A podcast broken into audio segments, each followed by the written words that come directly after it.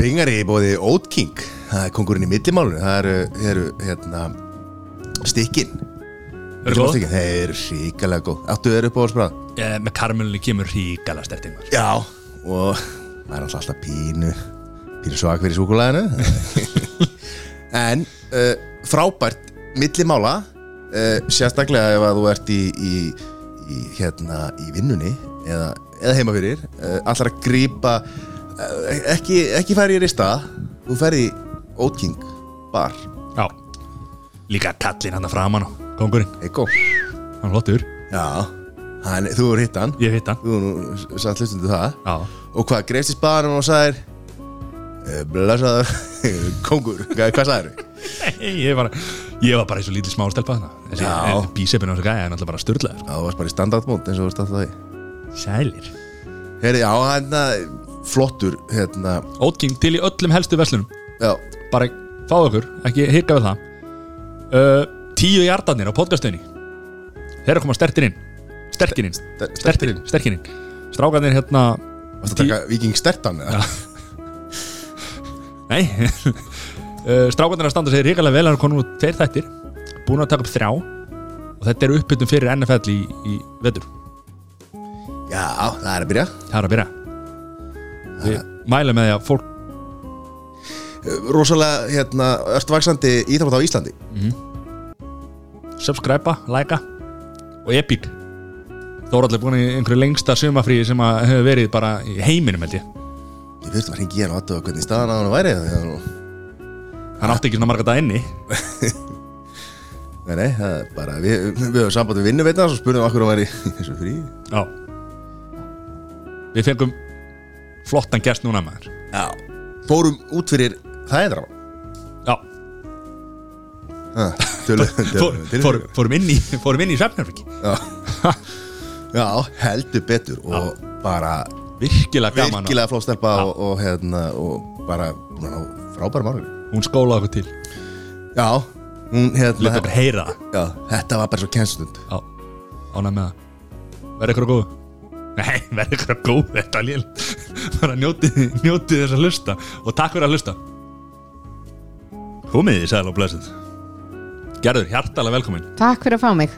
Við hérna erum þekkti fyrir það en í þessu þáttum að vera að undurbúa okkur allt og mikið sko. Nei, ég var vör við það. Já, svo komst þú með einhverja punkta þarna. Og ég, við hefum bara aldrei verið að stressaðir sko. Já, ég, hérna, ég elska skipulag og ég er svona skipulagsfrík á mörgu leiti sko. sérstaklega kemur að vinnunum minni þannig að ég er alltaf með allt svona undirbúið og þegar ég fyrir viðtölu og podcastu og eitthvað svona þá er ég alltaf búin að ákveða hvað ég ætla að segja og hvernig ég ætla að segja hlutina. Þannig að, hvað nú? Ég ætla bara að Já, ok. Hann er að laga mikrofónin innan Ég byrja strax á að fokk upp viðtalinu Nei, já, en mér finnst gott að undirbúa mig. Og þannig að þegar ég, þú sendir á mig og spyr hvort ég vilja koma þá sendi ég tilbaka, já, endilega ekkert mál senda mig spurningar og hvað við ætlum að ræða og þú bara uh, og það var bara blank. En mér finnst það samt skemmtilegt af því að þetta er líka challenging fyrir mig að fara aðeins út fyrir kassun og vera ekki með fyrirfram ákveðið umræðefni því ég geti þess vegna verið að fara að tala um eitthvað allt bara eftir sem ég þekki ekki neitt. Hvað og þá það? verði ég bara að steppið það upp. Hvað er það sem þú þekkir ekki neitt? fótbolta á bíla. Já, já, þannig að bara hendum okkur í það. Tölum að sem tölum að sem deildir að byrja á næstu helgi Þannig að hver þín spá fyrir veturinn? Já, nákvæmlega.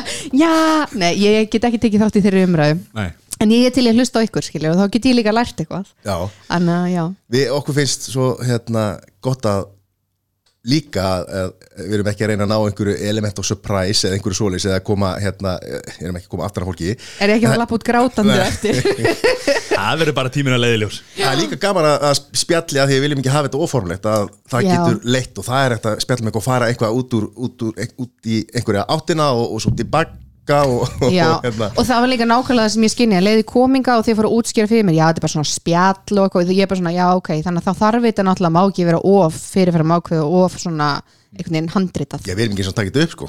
Nei, Það verður aldrei gefið út sko. Þetta hann leit samt á takkabór til að tjekka hvort hann væri ekki potið að taka. Það hefur komið fyrir að kallin hafi glenda í þetta takk hérna, besta fólk.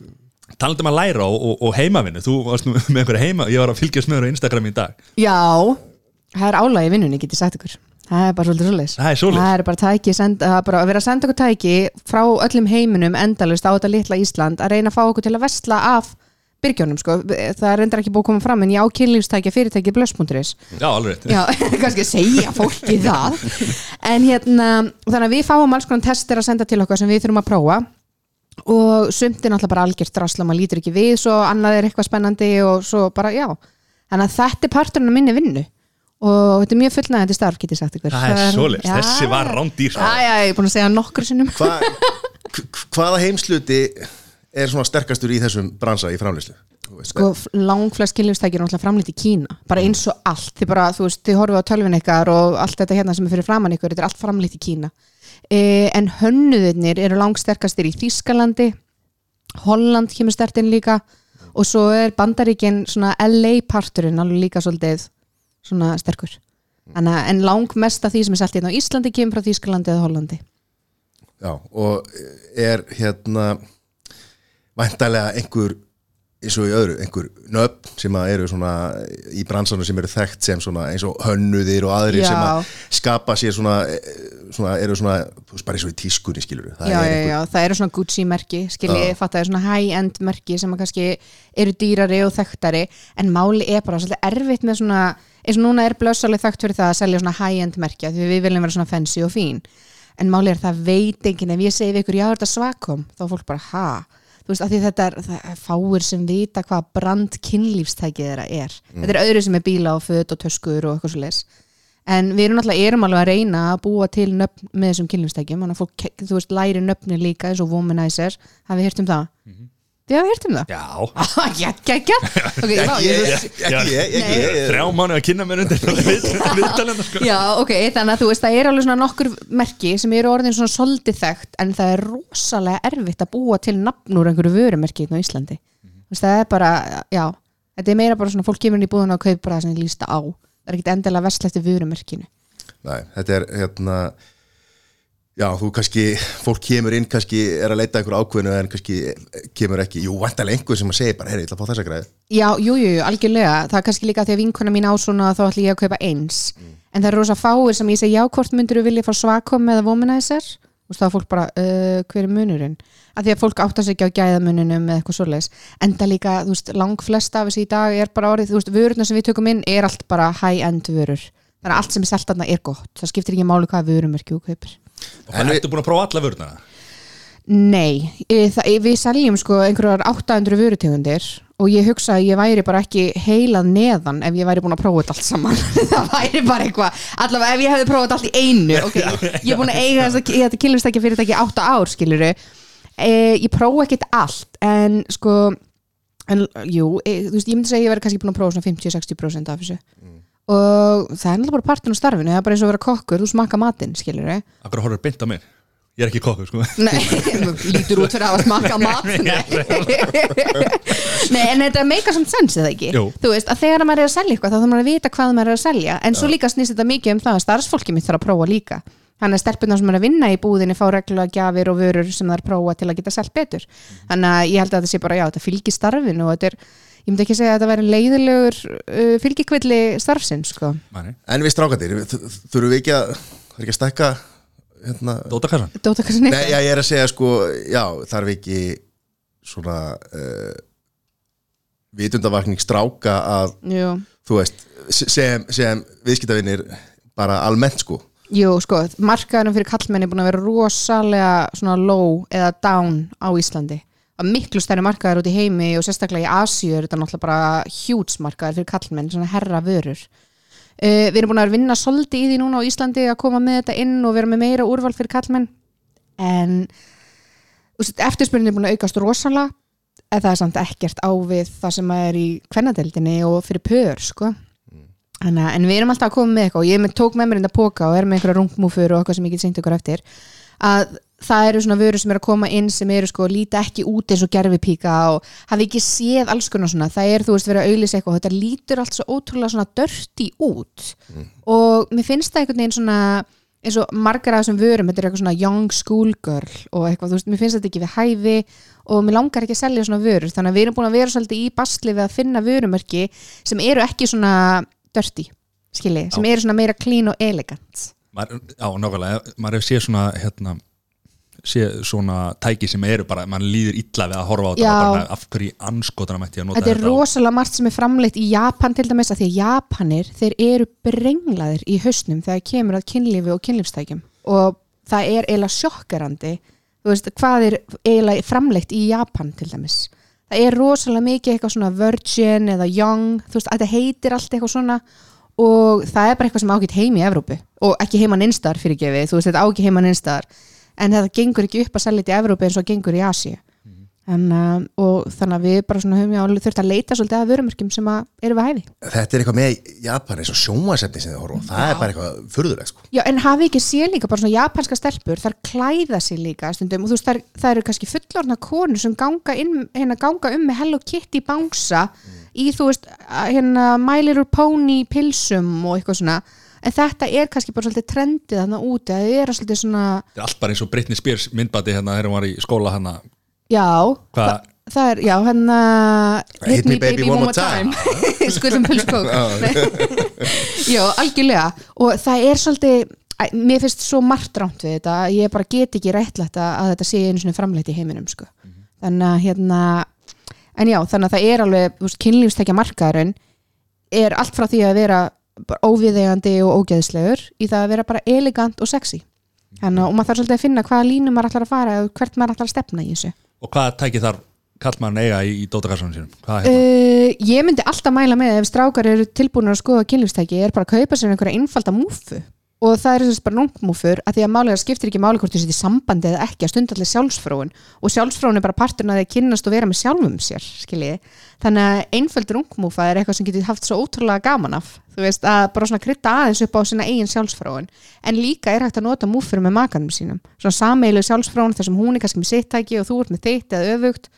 Það getur alltaf verið Já, já, Mattias hefur alltaf sagt að hún er fyrst, hérna, hann er aldrei betri félagskap en þegar hann er einn með sjálf og sér. Þannig að það hlýtur að gilda í þessu og eins og öðru hjá það Mattias Bara paprikur eftir Ef maður getur ekki elskað sjálfa sig þá getur maður bara sleftir Nákvæmlega. Þannig, að- og þetta er líka ógslag algengt. Að ég til dæmis þegar ég var að byrja með heimakynningarnar og ég fyrir heimakynningar og konur voru bara nei ég þarf ekki svona tæki á mann. Og þá var mann alltaf bara býtið stundur ekki sjálfsfróin eða þú veist, finnst þér ekki gaman að nota með manninni þínu með eitthvað svo leys og náttúrulega mismunandi skoðanir á þessu.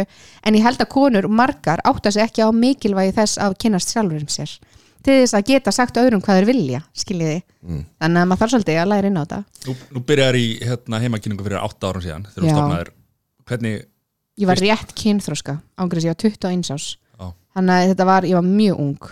Og hvernig var að fara inn í þetta fyrsta, fyrsta hérna kynningi að gera ekki neitt þar sko. einmitt, ég fór í fyrstu heimakynningunum mín og seldi ekki neitt. Og það var skellur sko, ég get alveg sagt ykkur það, það var alveg svona fuck, af því að það var einhvern veginn bara svona, ég má búin að leggja allt undir, búin að fá lánaðan peningi pappa og eitthvað til að kaupa kynlífstæki og svo bara gekk þetta ekki upp, síðan kom þetta hægt og rólega og maður fór svona aðeins að læra að maður ætti kannski að vera minna fræðilegur eitthvað svona, já, hér eru 17 stillingar og eitthvað og vera meira bara fyndin og skemmtilegur og þar þú veist byrja maður með alls konar brandara eins og til dæmis að vera í fullnægjandi starfi og allt þetta, ég er búin að segja hana brandara svo ofta ég fæ, ég fæ sko klíu þegar ég segja hann. En þá einhvern veginn svona fór þetta að gerast þá skilur maður miklu betur, þetta má ekki vera svona æft eins og vorum að ræða áðan um podcastið að þú mátt ekki æfa þig og þjálfa þig á mikið því það verður svo klínist og bara svona einhvern veginn scripted eh, að leifa sér frekar að vera flæðandi og vera svolítið fyndið og skemmtilegt og óvænt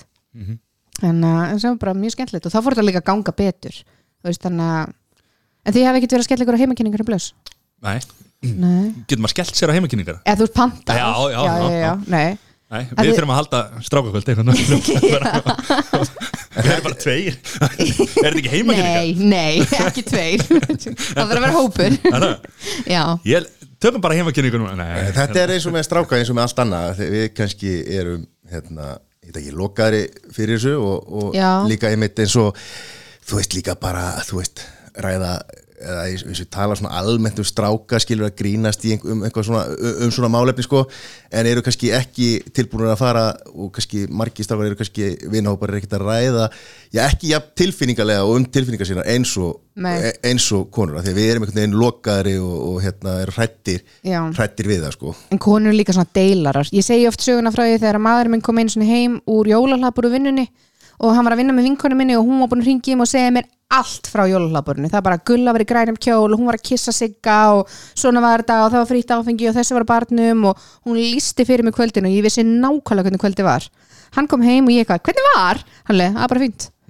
Ég bara, ok, var eitthvað, gerðist eitthvað skemmtilegt? Við fengum að geta og eitthvað. Og ég var bara, ok þetta er munur á köllum og konum það var ekki það að hann hafði ekkert að segja og hafði ekki skemmt sér vel. En þetta er bara munur á tjáningarferlinu á kallmennum og konum í flestum tilfellum. Konur þurfa alltaf að deila öllu og litum og upplifun og tilfinningum. Kallmennir er bara, það var skemmtlegt það þarf ekki að segja meira um það. En af hverju er þetta svona? Ég veit það ekki. Nei.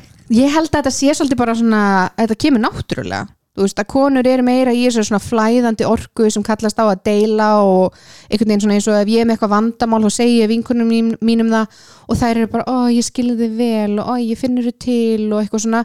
Ef ég segi kærastanum mínum að ég finnir til einhvers staðar þá er hann bara, taktu verketöflu þú veist, það, hann er bara með lausnir og kallmenn eru yfir höfum tölvert lausna miðaðri heldur en konur þegar ég eitt kvart undan því ég sé með túrverki eða eitthvað, þá vill ég ekki heyra taktu verketöflu, þá vill ég hann segja æ, ástin mín.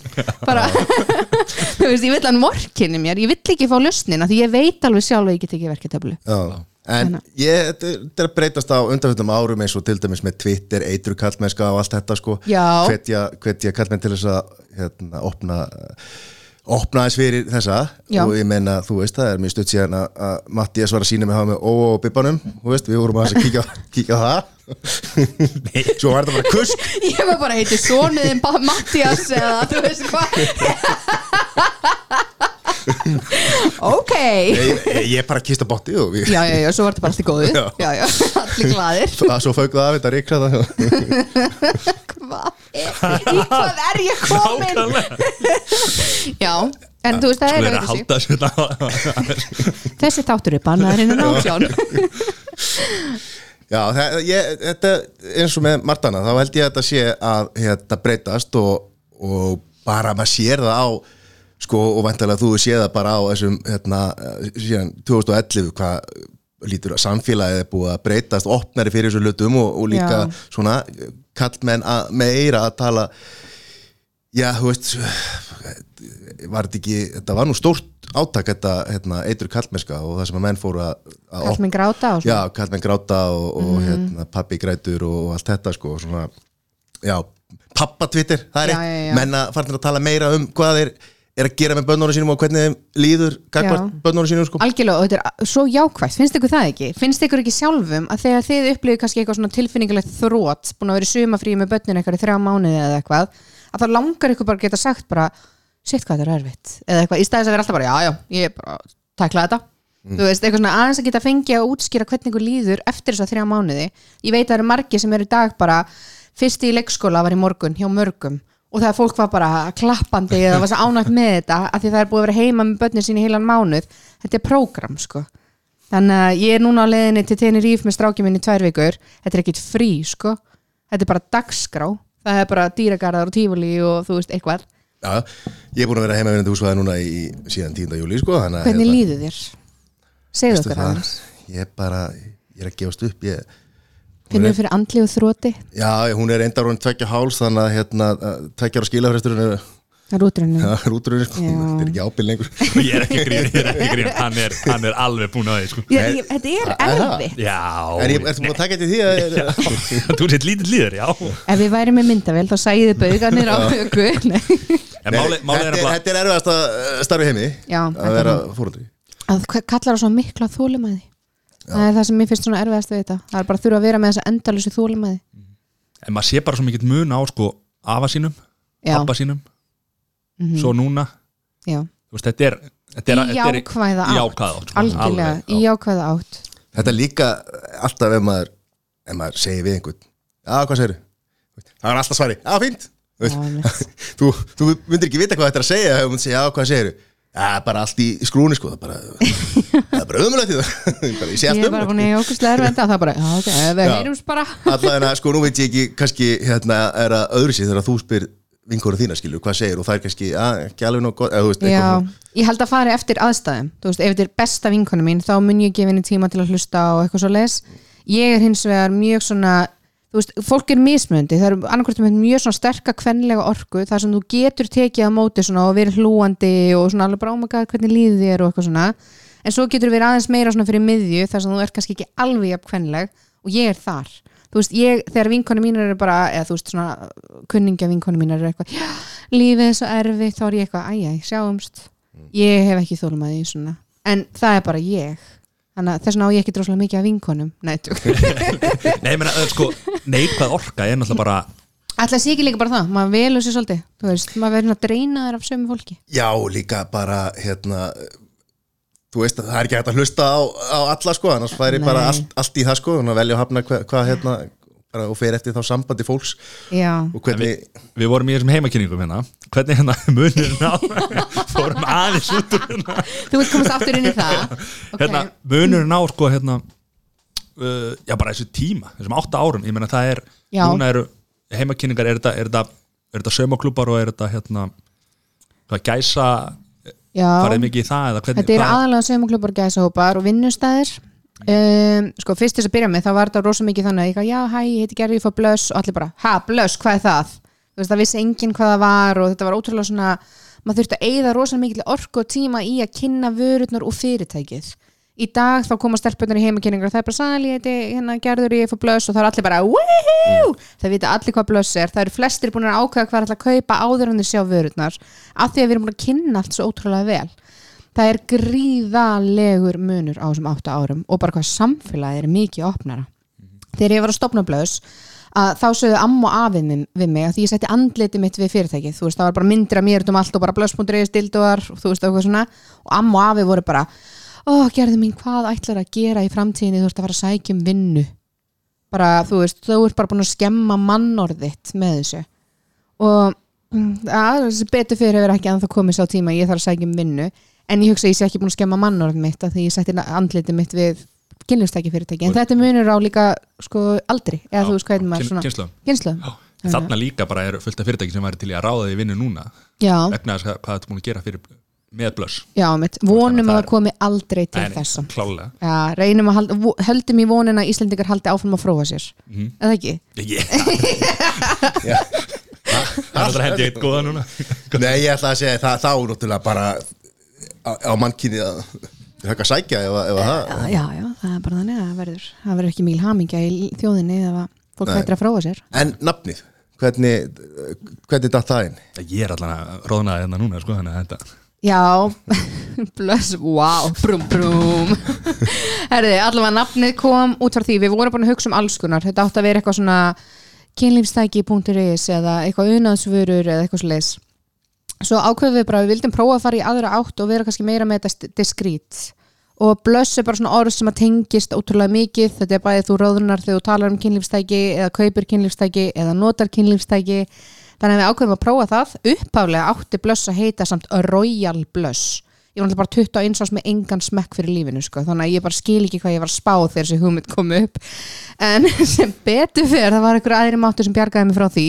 Og fyrirtæki heitir bara Blöss sem er bara geggjað um, og fyrst þess að byrja með var ég mjög ósátt við þetta og ég hef sagt söguna því áður þetta svipu tilfinningu ég lendi í því ég skýrði barni mitt, hann heitir Hector og bara fyrstu vikurnar þá var ég bara shit, get ég breytt um nafn á krakkanum að því að ég sá svo eftir ég hafa skýrt hann Hector allir voru bara Hector, byrja það ekki hestanafn og eitthvað svona. Og sama tilfinning fekk ég með blöss. Það var allir bara ha, blöss, byrja hvernig skrifa maður þetta en í dag, þú veist, þetta tekur bara tíma að venja þjóðina við, skilji. Þú ert að búa til vörumerki sko. Er En ekki, nákvæmlega og það hefur gengið ótrúlega vel og í dag mitt vita allir hvað blöss er og hvað þú veist það stendur fyrir og svoleiðis, eða flestir allavega. Þannig að hérna, þetta vandist ágætla en það var samt pínu svona sjokk og skellur. Fyrst var ég bara, af hverju fórum við ekki af hverju skýrðu við ekki þetta bara unöldsvörur eða eitthvað sem hefði ekki verið gott. Unar og nafnið. Unar, olja, já já, dirty night eða eitthvað. Nei, ég er allavega mjög ánað með þetta nafn í dag og ég fengi miklu aðtikli út á það bæði Erlendis og hérna heima. Og mér finnst það líka ótrúlega fínt að því ég er slummis Erlendis þegar maður er að hitta byrgja og þess áttar að vera ekki eitthvað, já, ég og hérna kynlífstæki.is og það bara, já, ok. Bara- það gengur ekki vel, það er nógu erfitt að heita Gerður Huld Arinbjarnardóttir að þurfi ekki líka eitthvað fyrirtæki sem heitir eitthvað hræðilegu nafni fyrir útlendinga til að byrja fram. Það er- Eiga fjall í öll það er bara, ég lendi í svoleiðs mómenti í hvers skipti sem ég fer til útlanda og fólk er að segja nafni mitt. Það er bara, þetta er hræðilegt bara Arin Bjarnar dóttir ég segi bara takk mamma og pappi þetta er bara vest Amma og afi. já, amma og afi og bara allir Já, ég, ég, því, þetta er nú svo margir íslik stað, ég er bara verið stoppaður í bandaríkjunum í tóllinum, bara, þú veist, hvað, þessi stafur er ekki til, sko. Nei. Bara, hvað, hvað, hvað fegstu þetta Mhm. fake passport, sko? þetta er hræðilegt sko og ofta er maður að útskýra bara já ég er sko frá Íslandi og þá tekum við hérna oh daughter maður er bara æ nei please ekki aftur. Bara en eina færin að útskýra já ég er dóttir og sonu minn er sonur og eitthvað þetta. Ó, þetta er svo mikið sko. já þetta er, þetta er svona skemmtilegt einkenni fyrir Ísland en rosalega pyrrandi þegar maður er í viðskiptum erlendis. Ef maður er að drífa sig eitthvað, sérstaklega já. ég kalla mig bara G í útlöndum. Þá er ég bara G the G-spot það er bara geggja það er bara, það er bara að passa sjúklega vel og allir muna eftir mér. Ég er eins og einhver teiknumyndakarakter að núti.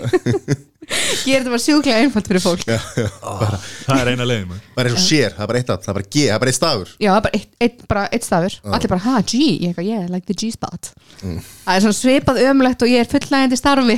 Þetta er svo sami brandarinn. En virkar? Hann virkar, já. En, en hérna, tækin sjálf og efnið sem er, nú ertu bara lengi í þessu, efnin sem er verið að nota, uh, hver er breytingin á síðustu frá 2011 í, í, í, í þeim bransa? Sko, ok, það er náttúrulega bilaðislega mikil breyting. Við erum að tala um að hérna áður fyrir voru framleitar vörur úr efnum sem eru sko bara ólögleg og hafa verið ólögleg bara í mörg árina því að þessu var að blanda saman einhverjum efnum eins og það til hérna vara sem heitir Cyberskin sem er sko bara búin til úr bensíni. Já, Þú veist, viljið þið frá einhverjum með bensíni í föstu formi? Ég, nei, það er ógeðslegt. ef maður það er sko bensínmótorun er rafmagnir duðir ekki, þá maður kannski, þetta er bara hræðilegt. Þetta er, þetta er bara, það var búið til svona cyberskin sem er svona klistrað og mjúkt áttu allir svona egg sko, ángriðis að þú ert fættur eftir 1985 eða eitthvað þá áttur þú svona egg en þetta er svona ótrúlega svona klistrað og mjúkt og sömur lendu í því að þú settur þetta í náttbúrskúfuna og það kannski fór vatn eða olja eða eitthvað yfir þetta að þá bráðnaði cyberskinnið. Að þetta er bara búið til úr svona einhverju efni sem er í líkingu við bensín. Og þetta er bara, og þú veist, vondlikt ég get ekki sagt þetta, en þú veist, hafið þið aldrei lendi að kaupa kynlífstæki og það er bara ógesli lykt af þeim. Þú veist, þessar vörur eru ennþá í sölun og Alibaba og eitthvað svona. En bara maður opnar þetta, það tekur á móti mann er bara svona stinkandi plastfíla. Og þetta er í dag orðið ólöglegt allstæður og enginn má selja þessar vörur innan Evrópu sambandsins eða bara innan Evrópu eh, en því miður það bara læðast ennþá svona. Og ég veit alveg veslanir hérna í Reykjavík sem er ennþá selja svona vörur sko. Bara búin að eiga þetta lager bara í sjö ára og þetta er orðið bara gullt í plastinu og eitthvað þú vilt ekki gera með bensín á mörgum stöðum og, og hérna, við líka mannum Vill samt einhvern veginn ekki spara í þessum efnum líka sko Vera með- Nei, er það nokkuð? Þú veist, maður vill gæði. Í dag er þetta allt orðið, þú veist, ónæmisprófa silikon og allt orðið svona hvað ég segja, bara svona ótrúlega vandað í flestum tilfellum, eins og segi það er náttúrulega undantekningar og eitthvað þannig en eins og með það sem við seljum með blöss er allt bara ónæmisprófa silikon eða þó plast sem er þá efnis eða svona gler, það er að koma mjög mikið inn núna svona hert gler. Um, og já þannig að þetta er, þetta er bara allt annað. Og það er náttúrulega í samanbyrju við það að flest ekki gamla þetta voru með svona reikskinnira batteri þú veist og í dag er þetta allt orðið endurlegaðalegt þetta er bara svo símiðin, bara stingur sér hlæðslega þetta er batterislaust. Hanna, og það er bílaslega mikil munur, þannig að bæði bara á endingu og sömulegast líka bara kostnaði. Þú veist, ég get ekki sagt ykkur hversu oft maður hefur hlaupið fram á miðnætti en að taka batterjum og fjastringum og eitthvað til að setja í ekki því það var orðið batterislaust það vil endi í þessu það Ég var alltaf að leita helst, bara því að fjastrygunni maður, það var aldrei batteri í fjastrygunni Nei, nú veistu af hverju. Það er bara, æjæ, virkar ekki slökkubíkin ennþá hjá þér? Æjæ, mamma þurfti að monta batteri en trúðu mér.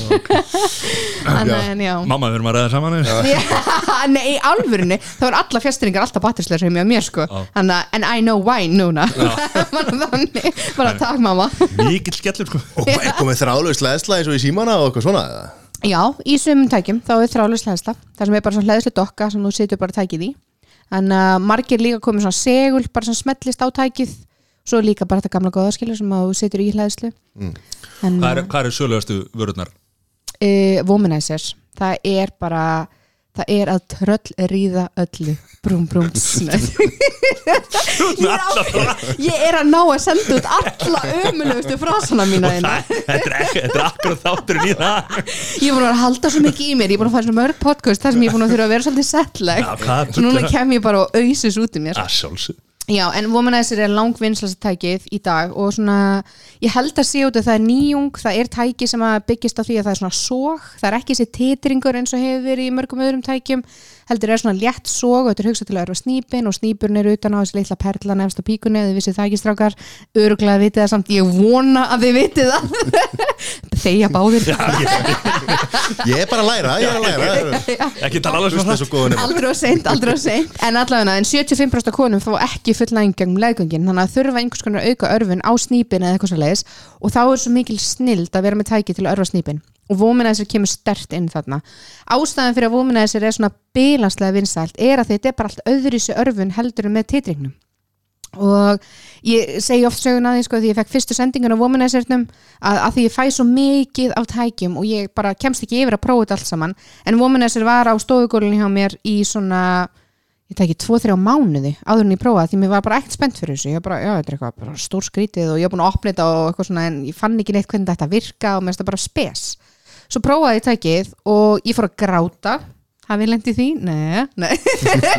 Ég segi ekki Nei. Hafið- þið grátið eftir killið? Ekki þetta ofið bara hérna sko. En ég ætla ég fór að gráta að því ég hugsaði bara, oh my god, það var styrlaðast að fullnægi heimi og ég hugsaði líka bara, ég er að fara að verða rík. Ég sá bara fyrir vikandi móka þessu út í bílförminn, það var svo styrlað tæki og þannig ég bara hljóp fram og sendi strax á byrgja minn klukkan var bara sko 0053 þegar ég sendi þetta bara oh my god send me 100 pieces. Og ég á þetta e-mail ennþá ég bara varðveiti það bara eins og gull sko, að því að þetta er svo fyndi moment, að því ég hafði enga trú á þessu og síðan því ég prófaði að það var styrla og þetta er langvinnslast tæki í þetta. Þannig að spennandi. Þar hefur það maður. Já, hafið þið prófað hómina sér það? Nei, Nei. Ekki, ekki, ekki. Strákar. Já, Já, Akkur heldur við verið að fá því hérna í spjallina Þið eru bara eitthvað, uh, ok. Mm Ég sagði ykkur þetta fyrstu undirbjóðu ekki viðtalið það sagði ég myndi grilla ykkur Já, hérna. er bara velkomið sko. En eh, sko, er er þá, sko, að þú sagði nefndi hert gler áðan, sko Já. sem er náttúrulega allt önnur áferð heldur en þetta sílikon sem er verið að nota eða, eða. Algjörlega. Er, er eitthvað auðvitað að þrýfa það eða hver er bara, er verið að reyna að finna einhver aðra áferð og annað, aðra tilfinningu. Já, það er sérst með því að nota tæki sem eru gerðu hertu gleri þá kannski meira verið að lítast eftir eh, að nota því endaþarminn til dæmis sem böppplöka eða eitthvað svoleiðis eða bara sem dildó, sumir fíla það líka inn í leggöngina því það er ekki titringur í þessum tækjum. Þau eru bara alveg svona titri ekki neitt skiljið Já, já. Eh, herta glerið er því, þeim hæfileikum eh, gænt nei hvað segir maður. Gænt. Þetta er þín saga, segðu bara sem þú veist já já ég ræði hérna, þetta er íslenska eh, að þú getur bæði hita það og kælta sem gerir það að verkum að þú getur búið til svona mismunandi örfanir já. þannig að það er kannski eitthvað sem fólk er svolítið að leika sig með eh, en þetta er meira svona forleikstæki skilur þú ert að nota þetta, þú ert að dúllast með þetta Já, og það er gamla, gamla góða handablið bara, það er ekki batterís Japp, það er svo lis það er bara gamla góða vélinn og er ekkit batterisleis þarna? Já, bara takk. Nota báðar, margar hendur unna létt verk þannig að Já, já, því fleiri því betra Já, en ég sá hérna, þú varst með eitthvað í pókarum Matti sá, fekk, fekk smá minnumáttakendara sá eitt af þannig okkur Nei, ég ætla að segja hérna, hvernig, hvernig er svona að því að hérna, elsta línan í bransanum mm -hmm. stærri skipti máli. Mm -hmm. er, hvernig er það svona í sko, allir sé ekki persónubundi en ég er til dæmis akkurat öfun megin við það bara eitthvað svona risa dildóar og eitthvað svo leist það gerir ekkert meira fyrir mig heldur en til dæmis bara eitthvað lítið á nettæki.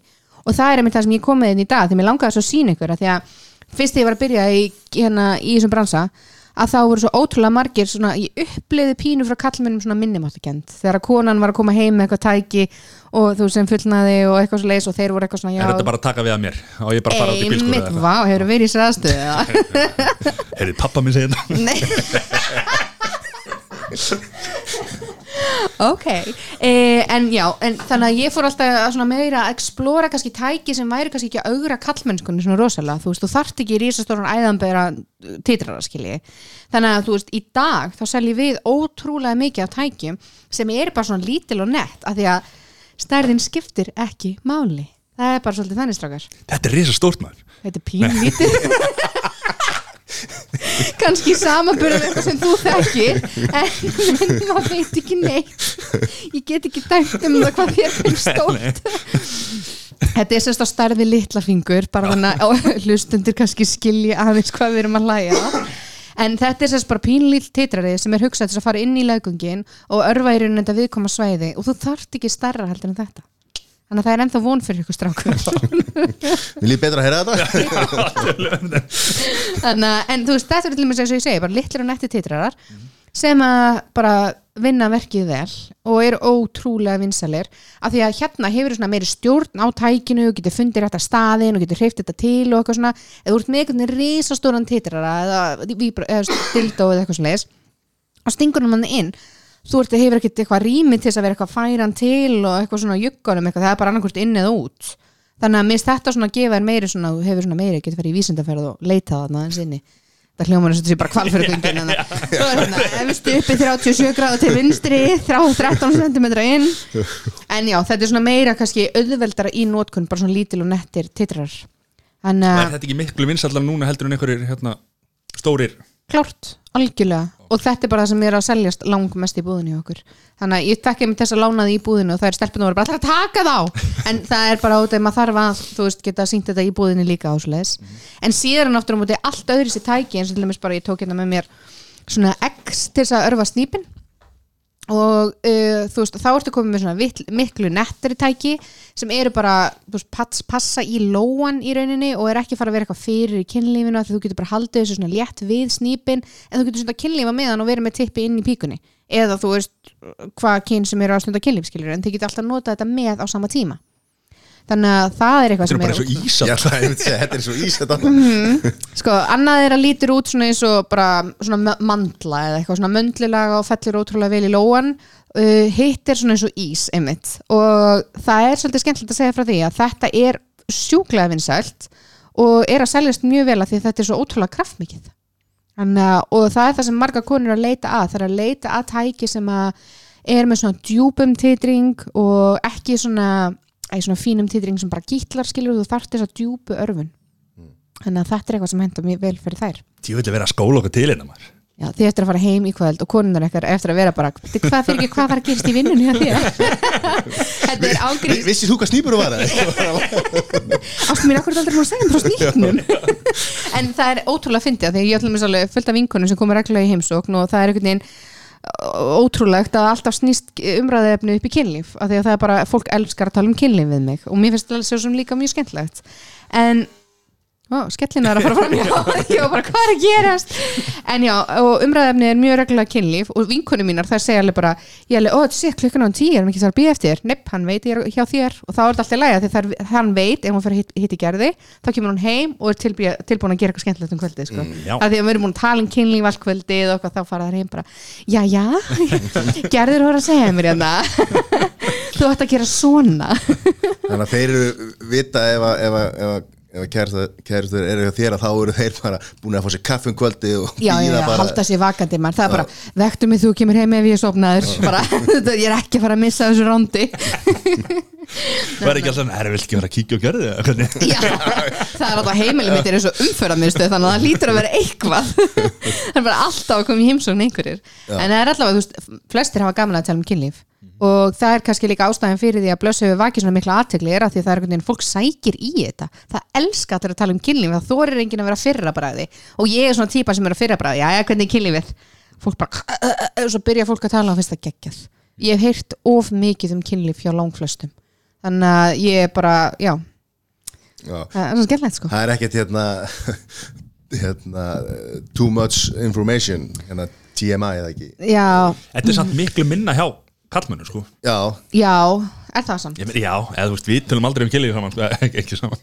Eða þú veist, nei, menn, eða þú veist það Við er tala bara- aldrei um ykkur kynlíf. Nei, Ekki ekki okkar á milli. Við, við, við, við matti bara stundu það saman við, Talið ekki um það. Nei. En er það ekki kannski bara eitthvað sem að svona þú veist Já, er munur á köllum og konum eða munur á félagskapnin til dæmis? Að ég veit alveg fullt að strákur sem tala um kynlíf Já. en það er kannski algengar að stelpur deili meira, ég veit það ekki Þannig að, og svo er þetta líka pínu bara svona, ég elska bara að opna umræðinu um þetta. Þú veist, að einhvern veginn opna fólk með þetta því ég veit alveg, það er bara, það er 50% líkur ef ég spyr hvernig er kynlífið þitt og þú segir, já, geggjað, en það er 50% líkur að þú har einhvern tíman um æfina í sambandinu glýmt við einhverju vandamál í kynlífinu af því að það er bara eðlilegt þetta er bara svona samskipta örðuleikar eða annar aðeilin með hærri kyn kvöldeldur en hinn og svo er kannski búið að vera badnegnir eða þú veist áhugaðleysi, mikið að gera í vinnunni eða börnin óþekk eða whatever. Þú veist þannig að það kemur alltaf tímabil hjá öllum þar sem að kynlífið er kannski á skortum skamti eða einhvers konar misræmi í því. Og þess vegna er svo einhvern veginn svona auðveld umræði hjá mér að vera bara, já, hvernig er kynlífið? Að ég veit að ég mun alltaf geta komist að einhverju og hjálpað kannski mögulega. Þannig að ég er svona hjálpatæki sjálf að hjálpa fólki. En þetta er þá bara áhugamál og, og, og, og Já. ástriða eða? Þetta er ástriða bókstala e, og bara, já, og bara kynlíf og samskipti almennt. Það er held ég bara eitthvað sem ég elska.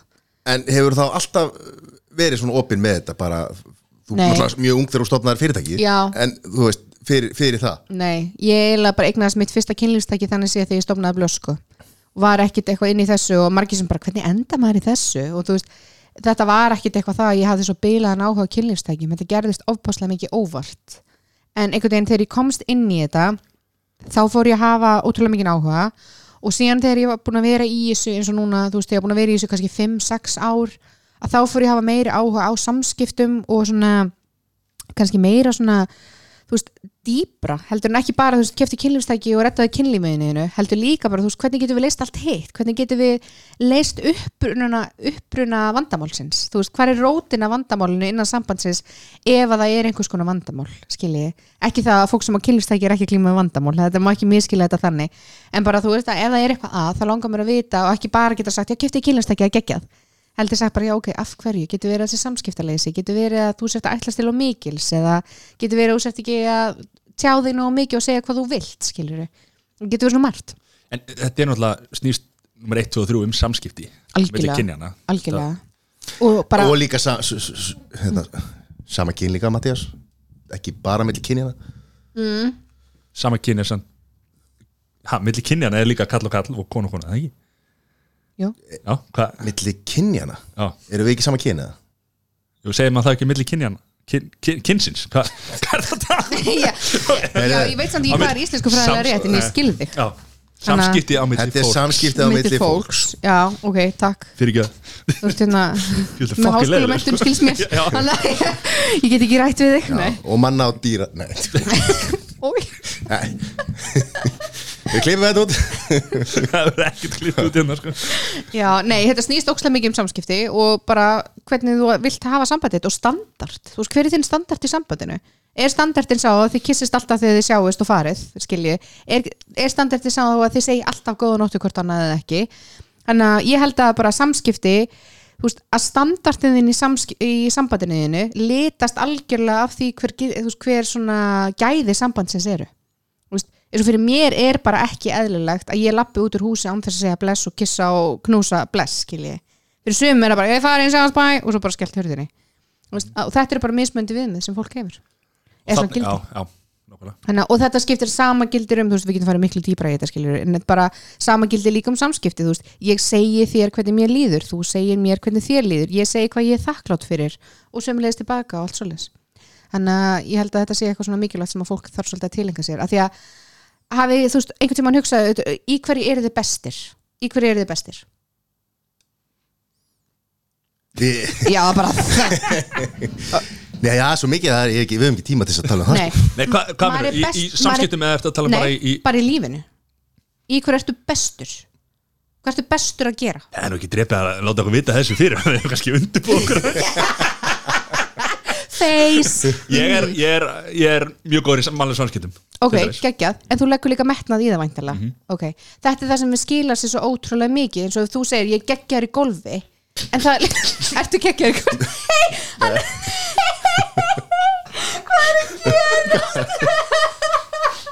Frussaður yfir allt í það? Hann er svo lélir í golfi. Já, ég bara vil segja það að það er ekki vanin hérna að við frussum á gesti þáttarins þetta kom út úr nefin á þér sko. Ok, alla vegana ef þú segir þú sett geggjar í golfi sem er skýrst og sett ekki samkvæmt innan með stjórnandarinn þínum en þá er líklegast ástæðið svo að þú leggur mikið metnað í það. Skiluru, þú verður góður í því sem þú einblínir á og leggur metnað í hann er allur rennandi blöytur hérna. Þetta er að fyndi sko. Pissaður á þig, akkur Blöyt Bara smá Afsækið þetta. Oh, shit, allavega, þú ert góður í því sem þú leggur metnað í. Þannig að það er svo ótrúlega mikilvægt að leggja metnað í sambandi sitt og samskiptin og þess áttar til þess að vera góður í þeim og til þess að vera, þú veist, í góðu sambandi. Af því að þú ert bara nennir ekki að leggja metnað í það þá er aldrei að vera skemmtileg samband. Leggja tími í það. Já, og þetta er líka bara eins og eins og til dæmis í bandaríkjunum týðkast alveg að fólk færi til sálfræðins þó að það sé ekkit eitthvað sérsta eða þú veist, það Já. er bara að, Sýsti mín, sýsti mín hérna byrja í Ameríku Hún gifti sig og þau fóru strax í hjónabós ráðgjöf í alvörunni bara Okkur vikum finnst eftir það sko. snild Já. já, og þá var maður alveg bara, hvað er að fara til ráðgjöf hvað? já, já, það já. snýst ekki um Nei. vandamálið heldur þetta snýst um að fyrirbyggja fyrirbyggja skilur. Já, en ha, veist, ég líka ofta einmitt heyrt eitthvað svona, þú veist, það er oft þannig að fólk leita til hjónabandsrákja þegar allt er bara brennandi hús og allir er að hlaupa út, sko. Og þá er oft bara of seint. Þú veist, það er ekki þetta að bjarga því þegar allt er í voli og bara kveiknaði húsinu, skilur þannig að ég held að þetta sé ótrúlega sniðut eins og þeir gerir þetta út í bandaríkjanum að fara fyrirfram og ef það eru vandamála þá þarf að leysa þau strax er ekki þegar allt er þú veist, allir eru búin að gefast upp. Já. bara upp allt upp á borðinu góða, þetta, þetta reddast íslenska hugafæri Já, einmitt, og líka bara sé, þú veist, fólk er svo heft eða sumir, skilur þau svo heftir og þegar, þú veist, einmitt, ef þú leitar hérna, aðstofar eða fyrir sálfræðings eitthvað þá er eins og að sé bara eitthvað að eða þú veist, eitthvað mikið að. Það þarf ekki að vera þannig. Þannig að, en já. Nákvæmlega Já, já, við, erum í búið sálfræðingafélag Íslands. Hvetjum alla til þess að fara að þáka En ég held ég að lengt lífið á mig bara um nokkur ár hérna að hlæja hérna. Ekki tala um hlátur lengi Klart. Uh, markasetningar, hvernig hérna Já, hvernig markasettur blöss fyrst og hvernig markasetning fyrir kynlistæki er ótrúlega flókin af því að það er allt reytit þú veist, það er bannað að auðlýsa kynlistæki á Facebook og Google og allt þetta uh, því hafið örugglega séð einhverja auðlýsingar frá blössuna á Pornhub. Nei, nei. Þeir eru svo, þeir eru svo fucking gældir innan þeir eru bara, eh, Ég var að, hug, ég var að hugsa hvað er Pornhub? Nei, ég hvað að tala um Já, ég Þú Ef er maður fer enginn að þa- ef maður- ef maður fer þangað inn þá er náttúrulega til þess að, fí- til að skoða auðlýsingar þar Já. Í þeim tilfellum.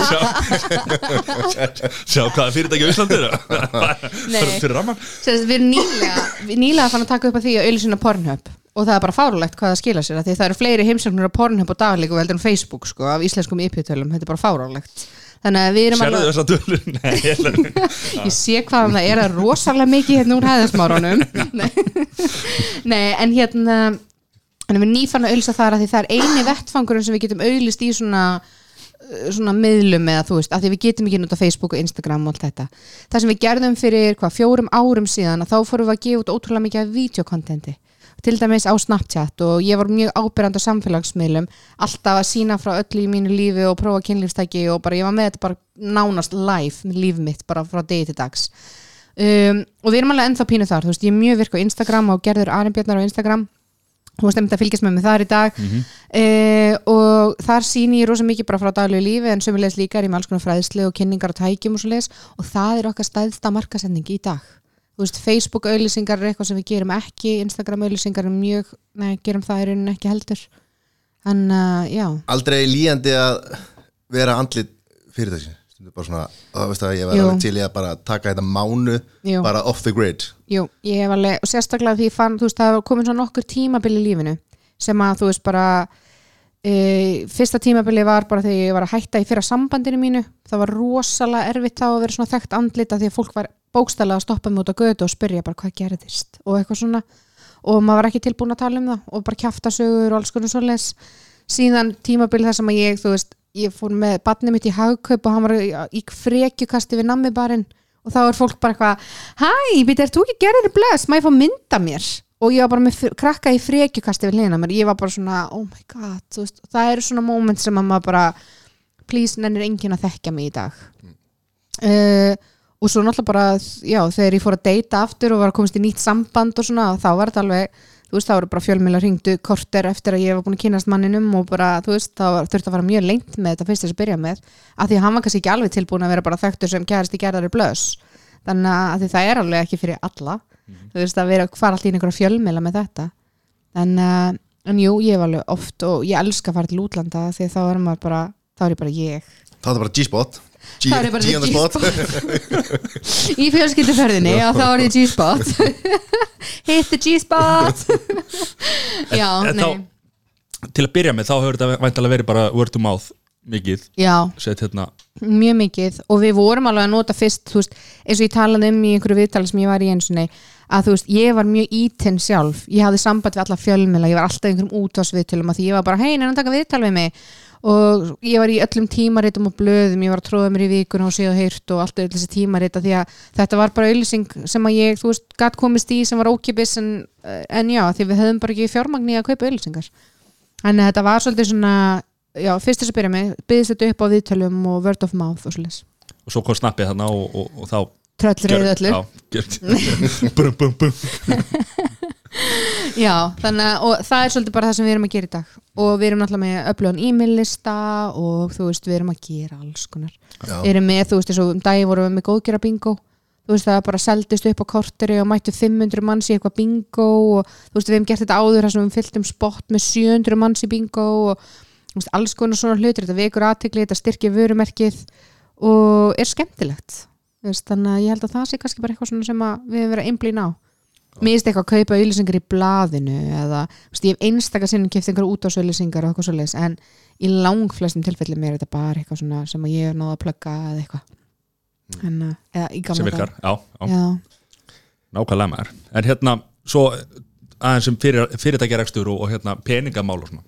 Já hvað hvernig- viltu vita? Hvað viltu vita? Við, við erum með ársreikningin hérna.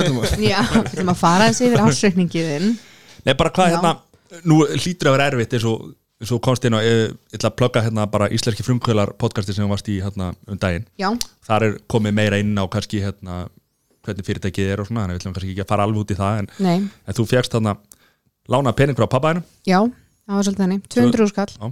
borga með vöxtum, mm tilbaka. Og hvernig er að hérna, vera með allt undir og panta vörur og, og hérna álægið og, og peninga? Já, ég held að ég hafi verið sko passlega kærulaus og nógu vittlaus fyrst þess að byrja með til þess að gera þetta að ég var einhvern veginn, þú veist, hafði ekki þannig sé áhyggjur af því að ég áttaði mikið á afleiðingunum. E, síðan svona þegar tími leiðaðins að því að fyrstu árin fóru bara í það að skrapa. Þú veist, ég var bara endalist að retta pening og retta pening og svo var ég bara í fullu starfi og svo allt í einu var ég komin í aukavinnu að því að blöss vantaði alltaf svo mikið pening. Um, og svo allt í einu kom bara moment þar sem ég var bara botninum. Og það, bara, ég bara, það var ekki til neini peningar og ég var búin að reyna allt og þú veist þetta var ógislega erfitt. Svo opnaði ég Snapchat og þá allt í einu bara hjún fór alltaf gang. Þannig að þú veist og það var svona stressfaktor þegar maður var í svolítið búin að brenna allt í kringum sig. Búin að fá lána peningi pappa og þú veist búin að maksa vísakorti sitt og yfirdrátta heimildina og allt svo leis ég var algjörlega á þeim stað. Um, en svo allt í veginn, þetta er svona eins og pínur og þetta gekk, það opnuðist einhverja dyr fyrir mér, þannig að ég held að það hefði verið kannski svona stæðsti sigurinn hjá Blöss, að vera búin að þrauka í þessi fjögur eða fimm ár að bara grafa sína eigin gröfleiku við en lenda síðan allt í því að ná svona í gegn. Hvað heldur þessi margir sem að hætta að grafa og, og, og snúa sér öðru og þú veist, er með svona fyrirtæki skilur Já, ég held þú sér bara að það er, þú veist, ég veit ekki 80% af fyrirtækjum sem komast ekki í gegnum fyrstu fjögur árin eða eitthvað, ég man ekki hverju tölunir eru en það er einhver styrlun, sko. Og það eru þú veist 90% af fyrirtækjum sem komast ekki í gegnum fyrstu tíu árin eða eitthvað. Þannig að ég held að það sé mjög algengt að fólk hætti. Sérstaklega líka bara því að startkostnaðurum við fyrirtæki er alltaf svo dýr. Þú veist, það er að byrja að lega húsnæði að búa til logo og heimasíðu og eitthvað svo leis og sérstaklega ef maður er ekki með neitt fjármagn að þá er þetta einhvern veginn svo ótrúlega erfitt, þú veist, það verður miklu erfiðara. Og hvað þá þegar þú bætir því ofan að hafa enga þekkingu? Þú veist, ég hafði enga reynslu og enga þekkingu árskísla, ég vissi ekki svona hvað það var eða ársreikningur. Og ég var bara býta, akkur er ég að borga aftur virðusöka ég er nýbúin að borga virðusöka þú veist, ég vissi ekkert, ég fór inn í þetta algjörlega blind. Þannig að sem kannski á mörguleiti hjálpaði mér hellinga því ég var svo kærulaus og það var einn sem sagði við mig, hann er sko viðskipta löffræðingur með mentun í alþjóða viðskiptum eða master í alþjóða viðskiptum, hann sagði við mig bara ég myndi aldrei þórastofna fyrirtæki. Af því ég veit alla áhættuna bak við það. En ég vissi ekki neitt, þannig ég bara já, stopnum fyrirtæki og bara þú veist, prófum þetta. Þannig að, og svo bara sem betur við gekk þetta eða þú veist, alltaf gengur ennþá. Þannig að já þannig að ég held að já, fjármagni var drullu erfitt fyrst þess að byrja með en ég leta ekki stoppa mig sem betur fyrr þannig að og svo er þetta náttúrulega bara snýst um að vera ekki að eyða eða meira heldur ert að afla skilur Já, ég ger alveg þau mistök fyrst sko. Já. Það var bara eitthvað, ú, fyrsta miljónin í hús fór kipti nýjan bíl. Já. Þú veist, Þetta var bara heimskulegast sem ég hefði getað gert. Þú veist, ég, ég er ángriðs, ég er ekkit feimin við að segja það. Fyrstu fjögur árin mín voru bara hræðileg í rekstri. Ég bara eitti allt á miklu var að kaupa óþárulega hluti var að fjárfesta vittlaust skilur, ég var að kaupa lager sem seldist aldrei þetta voru bara drastltæki e, þú veist, ég var að kaupa einhverjar auðlýsingar út af auðlýsingar fyrir einhverja peninga sem ég átti ekki. E, þú veist, það var alls konar svona ég var einhvern veginn að treysta á bara, ok, kaupa auðlýsingar fyrir 100 áskall og vonandi kemur 200 áskall inn í sölu en svo kom aldrei neitt. Þú veist, og þá er þetta bara hreint tap. Þannig að, en þetta er kannski bara parturinn að því að stopna fyrirtæki og læra. Læra af reynslunni og bara passa sig að gera þetta ekki aftur þetta er drullu dýr skóli að læra þetta svona. En þetta, þetta gekk á endanum En hvað, hva, segjum að þú segjum bara að þú ert núna, hefur ekki, ekki hérna, búin að gangi gegnum þetta, hvað hefur viljað hefur viljað vita eða þekkja eða áður en að þú fóst í þessa vegferð? Mm, þú þarft ekki að vera bestur í öllu. Það var svolítið það sem ég hjælt sko. Ég hjælt að ég þyrti bókstala að mastera allt áður en að ég myndi geta stopna fyrirtækið. Eða þú ætlar að býða eftir því að allt verði fullkomið til þess að stopna fyrirtæki að þá ertu aldrei að fara að gera það.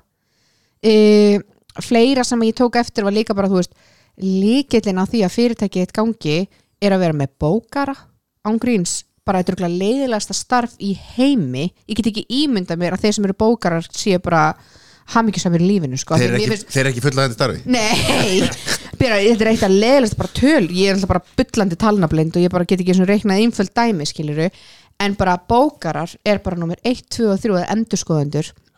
Bara líkillin að því að reksturinn gangi upp til lengri tíma. Þú getur alveg skrapa saman og fokkaði bókaldinu í 1-2 ára án þess að eitthvað gerist. Síðan er þetta bara búið. Og þú ætlar að vera með solid rekstur þá þarf þetta að vera með gott bókald. Þetta er alltaf eitt af því sem ég fokkaði upp það var skemmtilegt að segja frá því.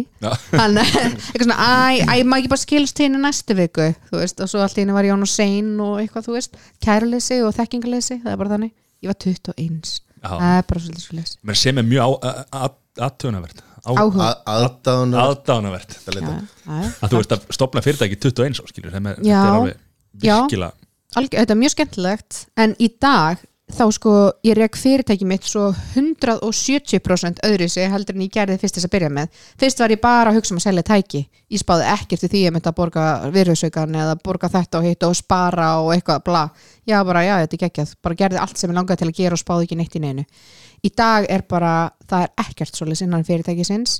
Um, það er allt bara bókaldið er 100% það er passað upp á allt saman. Við erum með ótrúlega gott byrðakerfi. Við erum með náttúrulega með 13 starfsmenn þannig að það þarf að hugsa vel að öllu. Það eru verkfer, verkferðlar fyrir allt saman sem stelpunar gera.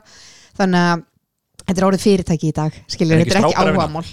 Engi strákar að vinna og það er ekki af því ég vill ekki hafa stráka. Það bara er svo ofpáslega lítið um það að strákar sækjum það er bara einstemmi þannig að í langflestum ég myndi segja að sko 99,8% tilfellum er þetta stelpur sem sækjum starfi okkur. Nú þú búin að sækja mig hjá fjóru sinum Já, Núna kæra til hérna, þetta var mjög vandræðilegt til Það ég kom í gáð og sá að hann var reyna Nei. Búin að fara til jafnleysist út af þessu öllu og öllu svo Já, það við erum að vinna í þessu. Nei, en já, þannig að ég bara segja þú veist, maður læri svo ótrúlega margt á átta árum bæði bara hvernig maður vill reyka fyrirtæki sitt og sérstaklega bara að þau gera allir þessi mistök og þurfa að reynsa upp eftir sig og byrja í rauninni bara á núlpunti og hvernig maður ætlar að bara gera þetta í framhaldi og í dag eins og ég segi, ég get bara með stolti sagt bara þið getið skoða áskýsluna mína og þið bara, ég, ég er montin sko. ég er upp, þetta er alltaf up to date.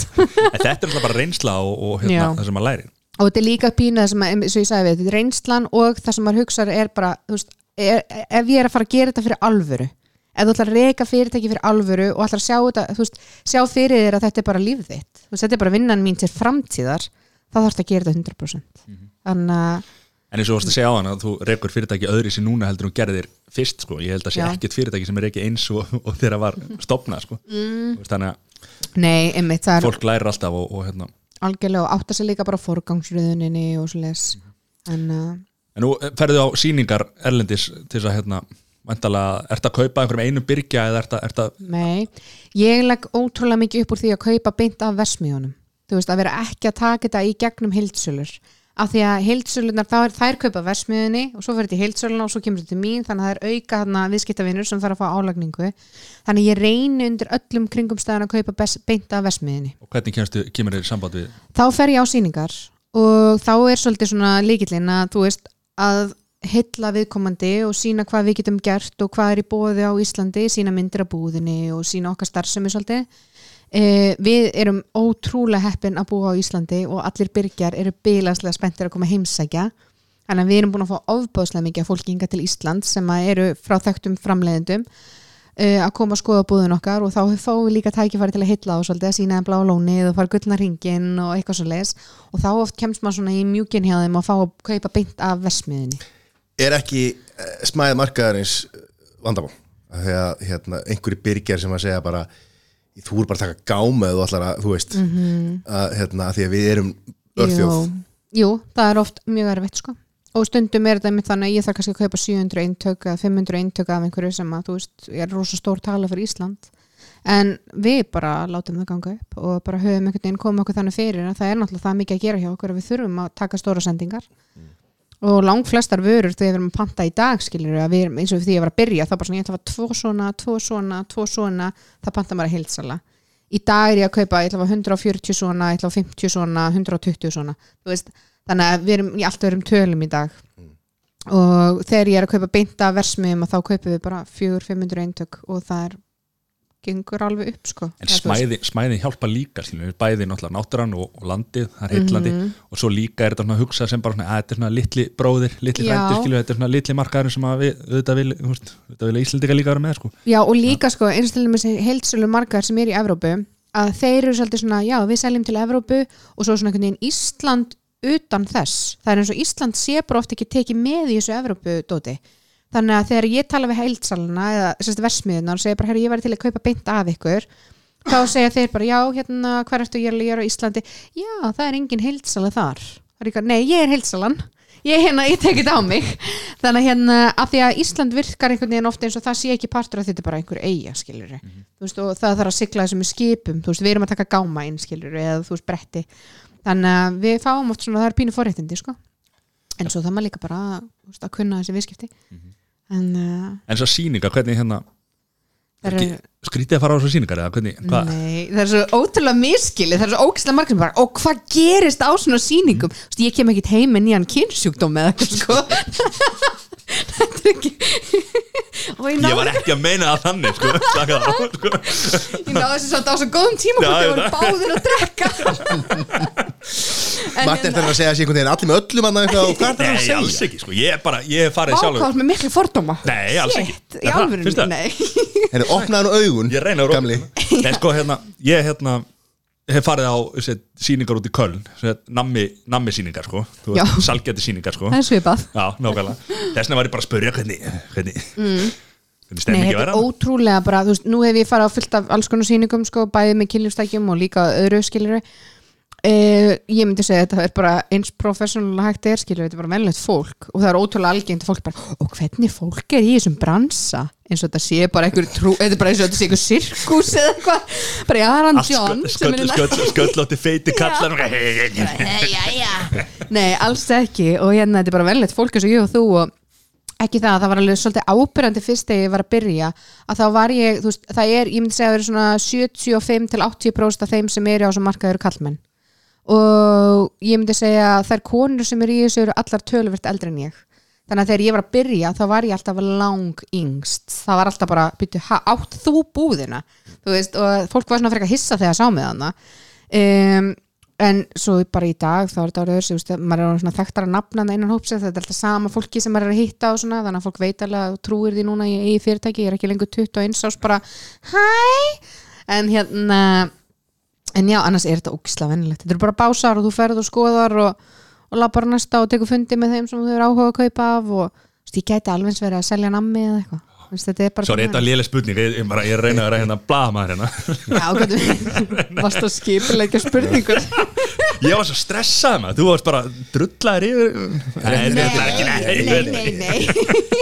En já, en sko eh, samstarf getur við komið því í komið því í kringa að hérna Viljið þið vera svona ambassadors? ég, nei, ég er að tala um sko nú er hérna þú veist, hambúrgarfabrikan Mhm. er að selja hérna hambúrgar eftir þjóðþægtum person Já, verðum við ekki að fá afsteipu af, af Mattiasi og, og hérna markasetja? Sæ, Það sæjist ekki klukkan sko. það var eitt af þessu það var eitt af þessu litlu lóðatækjum hérna. Þetta er nú mjög stór Jú, já, það var alveg að gera eitthvað svoleiðis en spurning hvort það væri bara ólegt það væri bara kært til kynferðslega áreitni eða eitthvað en maður bara að selja eitthvað svona. Já, það er bara heitt sögur af svona, þú veist, einhverjir frægir þú veist, Já, svona klóna Willy já, eitthvað. eitthvað. Svona að, já, það er bara spurning að þau eru til að bjóða okkur framskilur það má alltaf gera eitthvað svona. Ég er opinn fyrir öllu. Hmm. Minn lille venn og jólagjöfinni ár er afsteipa af. Nei, já, bara það er ekki alltaf tínun undir trénu. Þetta fyrir svona lítið hringaboks Já, já. Nei, þetta var Óla Mattias, þetta er þetta? Hann bara heyrir hann hættir Ég Hæ, ef að hætta að tala um Fermingabróðurinn minn. Nei, nei, já, já. En hérna Já, þú ert, þú ert líka hérna, eh, er tengt hérna Tony Robbins Já, eru þið aðdándur? Já, er ekki allir aðdándir? Nei, nefnilega ekki, alls ekki. ekki. Nei, alls ekki Það er bara margir sem viti ekki sem Tony Robbins segir Svo eru aðri sem fara að fussa og segja yfir þessu sko. Það er ekki að djöfi sér sértrú að söfniður Hvernig kom það svona til að þinni álu? Sko ég fór á fyrsta Tony Robbins ráðstöfnuna mína um, fyrir fimm árum síðan eða rúmlega fimm árum síðan og þá var ég bara svolítið svona eins og ég segi ég var komin að endastöð með blöðs, það var búin að grafa svolítið djúft og bara, já, hafði litla trú á sjálfur mér. Ákvað að prófa að fara á svona námskeið var bóðið að fara. Þannig ég ákvað bara að stökku á þetta, prófa þetta. Og svo, svo við segjum að þetta er hérna, þetta er sem sagt, persóna sem að sem að er að vinna í sjálfsjálf og eða sem sagt svona, þú veist hann er markþjálfi. Mark, já, marktjáli mm besta útgána sjálfur og allt það sko. Já, svona, og þetta er svona, hann hjálpaði að byggja upp sjálfströstið hafa trú á sjálfum þér og setja þér markmið og þess áttar og ég fór hérna til London á svo ráðstefnu og það er 15.000 manns þetta, þetta er algjör geðveiki. Þetta eru svona 12 til 16 tíma dagar í fjóra dag í röð. Þú ert uppgefin eftir þetta. Uh, en þvílík breyting sem ég uppliði á lífinu mínu eftir þetta, ég fór bara að trú á sjálfur mér og ég fór bara einhvern veginn að setja með markmið og allt í henni fann ég bara blöss var bara að byrja að stig vaksast og og ég veit ekki alveg, það bara, það gerðist eitthvað. Og bara með því að hafa trú á sjálfur mér þá þorði ég að opna Snapchat og fara að tala fyrir fram að síman því ég var ekki þessi típa, skilur að vera eitthvað að tala fyrir fram að skjáin. Í fyrsta Snapchatið mitt sem ég tók upp, ég tók það upp svona 17 sinnum og mér fannst ég svo kjánuleg og ég fekk bara kjánurhæll í hvers skipti sem ég sá sjálfa mig. En þetta svona einhvern veginn hjálpaði mér að koma þess af stað til dæmis. Og ég get ekki sagt annað heldur en að þetta hefði bara borið gríðalega góðan árangur fyrir mig að sækja þessi námskeið þannig að ég ákvaði síðan að fara aftur núna eitthvað fimm árum setna byrjaði ég aftur eða fjórum árum setna byrjaði ég að fara aftur. Og þá um mitt var ég svolítið meira ekki endilega að leitast eftir að byggja upp fyrirtæki mitt heldur að byggja upp andlegu hliðina mína og bara svona líða vel og vera hamingjusum með sjálfa mig. Og það er líka svona geggjuð áhrif að þú getur fara á sama námskeið oftar en einu sinni og lært mismöndi hluti. Þú tekur mismöndi hluti út úr námskeiðinu hverju sinni fyrir bara eftir á hvað stað í lífinu þú ert skilur þannig að ég einhvern veginn gerði það og það var bara styrla ég var svo ógsta hamingisum og bara glöð og eitthvað. Þannig að ég skráði mig í svona ársprógram þar sem ég var bara í heilt ár að ferðast með Tony Robbins. Og fekk bara að vera við liðin á honum í heilt ár að læra allt sem hann kann. Og þetta, ég bara, þetta hljóma svo dramatíst sko en þetta bara breytti lífið mínu. Bara út um allan heim þá bara? Já, ég fór út um allan heim með honum. Ég er búin að vera í eh, London, Hollandi, Fraklandi uh, Dubai, Abu Dhabi Indlandi, Bandaríkjunum út um allt, bæði bara, þú veist, ég er búin að fóra einhverja 20 mismændi stæði í er Varst með honum, veist, varst Já. að tala við hann og þið voruð bara Já, alltaf með honum. Þannig að ég fekk alveg bara að upplifa bilaðslega kennslu. Þú veist, þetta er ekki ég held að það áttar sig enginn á því í raun og veru hvað Tony Robbins er ofbóðslega bara í fyrsta lagi frægur og sjúklega stórt nafn, sérstaklega í bandaríkjunum en líka bara hvað hann er mikill visku brunnur og hvað honum tekst að bara að kenna þér, þú segir eitthvað við hann hann bara hjálpa þér að leysa vandamálið. Þú veist, og einhvern veginn að snúa hlutunum við og að ég veit ekki, hann bara svona þetta er, þetta er ótrúlega áhrif sem þetta er haft á mig hann, já, og er þetta eitthvað sem þú ætlar að taka boltan áfram eða ætlar að fara að vera með eitthvað svona fyrirlestur sjálf eða er þetta eitthvað sem að mm, ég veit það ekki alveg. Ég er svona, ég hef íhugað þetta að vera með eitthvað svona, já, þú veist, að því ég nú tala ég rosa mikið á mínu Instagrami og tek upp Insta TV og eitthvað svo leiðis og það er náttúrulega að hluta til er eitthvað sem ég hef lært frá Tony Robbins það sem ég er að tjá mig um þar. E, ég er búin að læ, læna mér í skýrtinni sem markþjálfi þannig að ég er með markþjálfa réttindi sem að ég náði í gegnum þetta ársprógram og meira sem ég er búin að vera að gera netinu og eitthvað. Þannig að þú veist, en málið er að vera góður markþjálfi, það er bara æfing það er ekki eitthvað, þú veist, að því ég tók eitthvað fjagra vikna námskeið á netinu eins og allir geta gert skilur heldur er þetta meira prógram heldur en þá þú ert að æfa þig. Og eins og staðin í dag þá er ég bara í fullu starfi við blöss og er bara að njóta þess ótrúlega mikið en mér finnst alveg gaman að geta talað. Og ég var til dæmis með fyrirlestur í hörpunum um daginn þar sem ég var að ræða um markmið og markmiðsetningu ég hef verið með námskeið heima hjá mér í stofunni þar sem ég er að kenna fólki að setja sér markvist markmið. Uh, og mér finnst bara ótrúlega gaman að geta talað um hlutina á skemmtilegan og frambærilegan hátt skiljiði. Og það er eitthvað sem ég hef lært ótrúlega mikið í gegnum Tony Robbins. Hvernig ég kem hlutunum frá mér þannig að fólk nenn að hlusta og sé þú veist spennt Við erum að læra þetta svo fólk neina að hlusta á hana þáttir ég skal koma í næstu viku nei Þetta er eins og þú sagðir ein- einmitt í byrjun að þegar að þú ert að byrja með heimakýringar Já. þá, og fræðilegt og eitthvað svona Mhm. svo hérna shape, eða þú veist, móta er þú þá hugmyndum að um þetta Já. fara í kannski meira að vera léttari og, og öðruvísi og þá gegn miklu betur Mhm. sem er einmitt, einmitt svo, maður er alltaf að vinna í sjálfum sér, Mattias Það er bara hlulis Sæður alltaf að reyna þú veist, að fólk er að reyna að vera besta útgáðan sjálfum sér. Sæður alltaf að reyna að finna ykkur til að vera besta útgáðan af. Allar að herra ykkur með öðru Fjölni var reyna að vera síðustu vika hann er, hann er einhvern veginn að reyna allar eins og fjölnir. Hann var, eh, það, var nýjasta.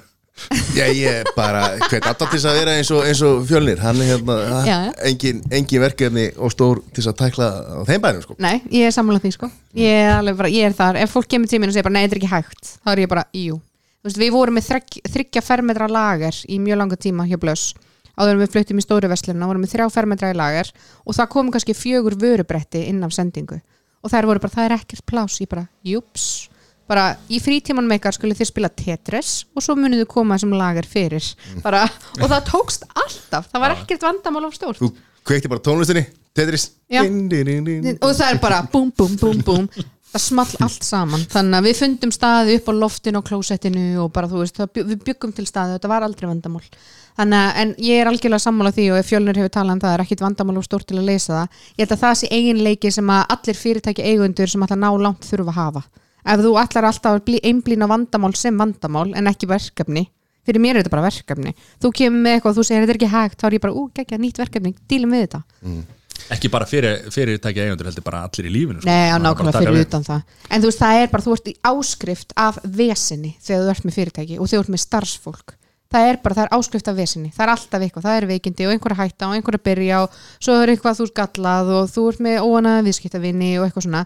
Þú ert alltaf að díla við eitthvað vesin Þannig að, það er, þú verður að hætta að líta á það sem óvinn þegar þú byrjar í svona fyrirtækirekstri Vandamál eru til þess að leysa þau og engin vandamál bara lausnið þess að skáldið. Nákvæmlega. Þannig þetta er, já, þetta er hérna einmitt, eins og segir, þetta er leiðin til þess að, að til þess að ná árangri og, og vantarlega það sem að Tóni Rópis er að tala um að hérna, einmitt skilur það leiðindin, eða, ok, ekki leiðindi vandamálin, mm -hmm. fyrirtækja rekstri, þau er, munu alltaf koma sko. það, er sama hvað, þú veist, sami hvað rekstri og er sko. Algjörlega, og sama hversu vel, þú veist, á hvaða stað þú ert í fyrirtækinu af því að margir er bara ó já, ég ætla bara að býða þangt að fyrirtæki mitt verður orðið sjálfbært og þá fyrir fjármálin í lægi og þá verður engin vandamál, þá kom bara upp ný vandamál. Hvernig að eigða þessum hellis peningum? Já, nákvæmlega, ó, fokki vandamál. Herru, talað um að eigða peningum, ferðalög hvað mest spennandi staðir sem við farið á ú, ok e, mest spennandi en jafnframt ógeðslegasti eða svona leiðilegasti staðinu sem ég færa á er Indland. Já, ég mun aldrei fara þangað aftur. Eh, mér finnst ótrúlega gaman að koma þangað að, og geta sagt að ég að fara til Indlands en mín upplifin var svo að við vorum sagt, að gista í Varanasi sem er bara fátakasti parturinn af Indlandi og við vorum í tjöldum, það var ekki klósett, ekki neitt. Þetta er ekki sumafrí fyrir mig sko. Nei. þannig að ég vil vera á hóteli ekki tjaldi eh, en ég hef komið á ókslega marga staði. Dubai er eitt af mínu uppáhalds það er styrlað að vera þar, Abu Dhabi er gjössanlega fórstu, bilað. fórstu að skýði í Dubai? Já, fór í innan úr skíði, það var ógislega gaman. E, Ég farið til Kína tvisvar. Hver- Hvert? e, Ég farið til Shanghai, Hong Kong og ég farið líka að ferðast um í Guangzhou og Shenzhen og eitthvað. Hvernig varst í Kína? e, Sko, í fyrra skeitt sem ég fór, það var í 8 dag og ég leti sem 8 kíló. Það var bara, ég gati ekki borðað, það var bara mér ég fór ein til Kína í 8 daga. Uh, og ég var bara í parti sem að það talaði engin ensku, það var ekki eins og ensku matsiðla veitingastöðunum og ekki neitt sko. Þannig að mér varst það mjög erfitt, setna skitt sem ég fór þá var ótrúlega gaman, af því þá var ég með guide og ég var með translator og allt svo leis og ég var bara búin að undurbúa mig betur. Þannig að og þar upplýði ég ótrúlega skemmtilegan tíma. Ég er samt ekki típan sem er að fara eitthvað bakbókaferðalega um Asju og njóta þess eitthvað, ég fer hann fyrir business og viðskipti en ekki eitthvað til að fara í fjölskyldiferð sko. Ég fer aldrei aftur til Kína nema í Matti segir þessu mikið mengur að það, hann gæti ekki anda svo ég, ég byrjaði að reykja út í Kína. Eða ég reykja ekki skiluru en þegar ég var út í Kína þá reykti ég mentól sígarettur til að fá ferskt loft. Ó, ég veit nákvæmlega. Já, hef þetta líka? Já, ég bara, ég hef þetta að byrja að reykja þannig líka. Já, þetta var það sem ég gerði, það var svo mikil mengun og það var svo mi ó, mikið ógið í loftinu að þegar þú eru andaðir þá fannstu verk í lungun en þú reykir mentól sígarettur að núti, þá fannstu svona tilfinningu og svo verið að að andaði fersku lofti. Þannig að, og þetta er svona í eitt af fáskiptunum sem ég hef reykt sígarettu skilur Ég heyri Reykingar er líka að koma aftur sko. Það er að fara já, já, hann að byrja bara að reykja. Nei, oi Ég heyrði þarna í podcastinu þarna í, þarna íslenski frumkvölar að þú hérna, borðar á, McDonalds út í Kína. Já, Þá vissirðu einmitt. að, Ég Það- fór á McDonalds í Kína og það ger ég aldrei aftur Nei, Það er ok. ekki sjens að hafa verið nautakjöti sko. Nei, svo er það líka Ekki annað, sko. sjens sko. Þetta er pínu svona, maður þarf bara að loka fyrir öll hérna vit skiluru og bara geta og ekki anda á meðan af því maður veit ekkert hvað maður er að fá einhvern tímann þá var ég á veitingastæðarna og ég tók svona Google Translate svona sem ég get ekki mynd af og það þýðir, þýðist yfir það var eitthvað hérna og svo sá ég bara Bird's Nest Já. bara hvað er ég að fara bara hreyður frá fugl bara hvað er í gangi? Þetta hafa verið eitthvað villust þannig Google Translate. Já, örgulega skilur en ég var bara eitthvað svona, herði, nei, ég tristi því ekki. Bara fá hérna eitthvað. Þannig að, en mér fannst, já, mér fannst eh, Kína mjög erfitt, Indland var mjög krefjandi, ég var náttúrulega, ég var ekki neinu símasambandi heldur, þannig ég var bara out of contact í tvo daga eða þrjá daga meðan ég var hana það er bara, ég geta ekki, sko, ég er En bara Hong- þessi prinsessa, ég vil bara vera á hóteli og bara, eitthvað En Hong Kong er náttúrulega allt annað heldur en Kína sko, þannig að við drullum ekki yfir það sko. Nei, nei, nei, Ki- Hong Kong var mjög flott og þar var ég líka bara á flottu hóteli og eitthvað svo leis en, hérna, en ég hef verið á nokkrum stöðum og þetta er mjög mjög sjömt en, uh, en ég, já, ég hef bara ótrúlega heppin með það, ég fengi að ferðast rosalega mikið. E, uppáhald svona ævintýraferðin mín sem ég farið í, það fór ég til Nice í Fraklandi og fór síðan yfir til e, Monaco það var gjössalega styrlin og bara sjá þú veist peningana sem eru þarna. Mistir í spilaðítinni með það já, bara misti mér spilavítinu kom heim blöng og nei, nei, en þú veist bara peningarnir sem eru þannig í Monaco þetta er bara rugglað og sama upplifin var svo sem líka í hérna Abu Dhabi. Það eru mikli peningar, ég gisti á hótelinu í Abu Dhabi hérna e, sem heitir Caesar Palace og þetta er sjöstjörnu hótel, þú fær gullflugur átján karta gullflugur í kaffinniðin á mótnana og ég var með minn prívat butler prívat butler fyrir herbyggi mitt skilur þetta var alveg bara þetta fáralegt en ég fíla svolítið sko. Ég er ekki, ég er ekkit erfitt hard to please sko. Var, var þetta er, var þetta sett, var dýrt hótel þarna? Eins og í Abu Dhabi, ég meina eins og Dubai er ekki, ekki fimmstjörnu hótel er ekki það dýrt sko. mm, Já, mi- jú, þetta er Já, dýrt sko. já. Dubai er, mér finnst Dubai frekar dýrt. Já. eh, og líka Abu Dhabi sko. Abu Dhabi er mjög dýrt, sérstaklega eitthvað svona er Caesar Palace. Eh, en ég man ekki hvað þetta heitir heldur Caesar Palace, ég man það ekki alveg. Eh, en Monaco er bara bilun, þú borgar bara 1790 kall fyrir vassflösku og þú veist, ég pantaði mér hérna einhverja klubb samloka upp á herbyggi til mín sem kostaði 7200 þetta er bara einhver samloka með frönskum. þú veist, og ég var bara svona, uh, já ok hérna, seti þetta bara að vísa, ég splitta svo bara reiklingnum þannig að, en jú, sömu staðir eru rosalega dýrir og maður kannski fer ekki ofta og skistir ekki lengi. Þannig að, en það er alveg, já þetta er gaman, uppáhald svona budget staðurum minn er Tyrkland.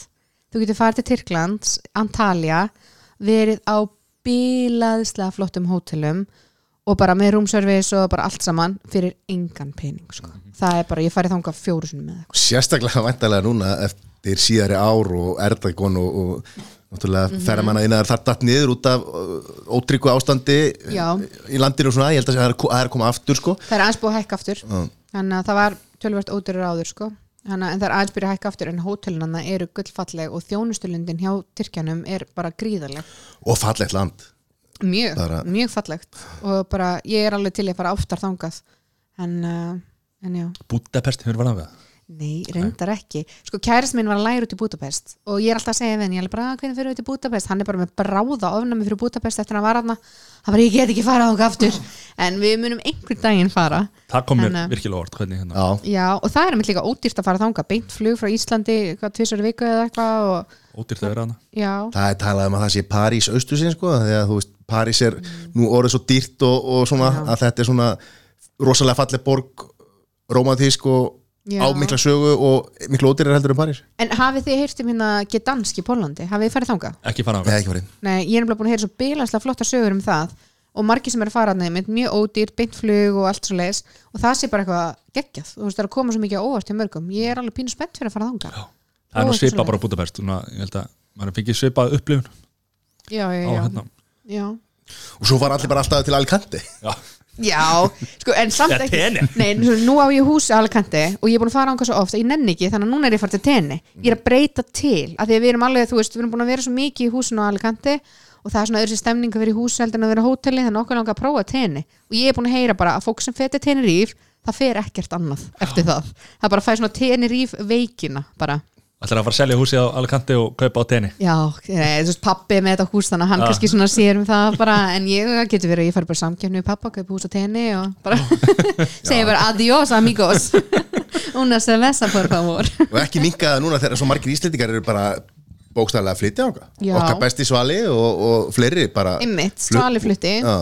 og svo, er- já, margir aðri sem er fleitið þarna líka. Er þetta ekki alltaf eitthvað fólk sem er að flýja eitthvað hérna Já, ég veit það ekki. Þú að leggja leggja bara dóma á þetta fólk? Nei, ég er bara að spyrja En ok, jú, kannski einhverjir En ætli þessi ekki líka margir sem eru bara, þú veist, eins og til dæmis bara svali búin að vinna ótrúlega mikið og langar kannski bara að komast í mér í ró. Ég held að það hefur ástæðan fyrir hann flutti án þess að ég veit að ég var alltaf að vinna með honum þegar hann flyttir hann út sko, hana, en þú veist, ég held að þessi líka pínu sem að fólk langar bara að komast í aðeins mér í ró og hita og frelsi.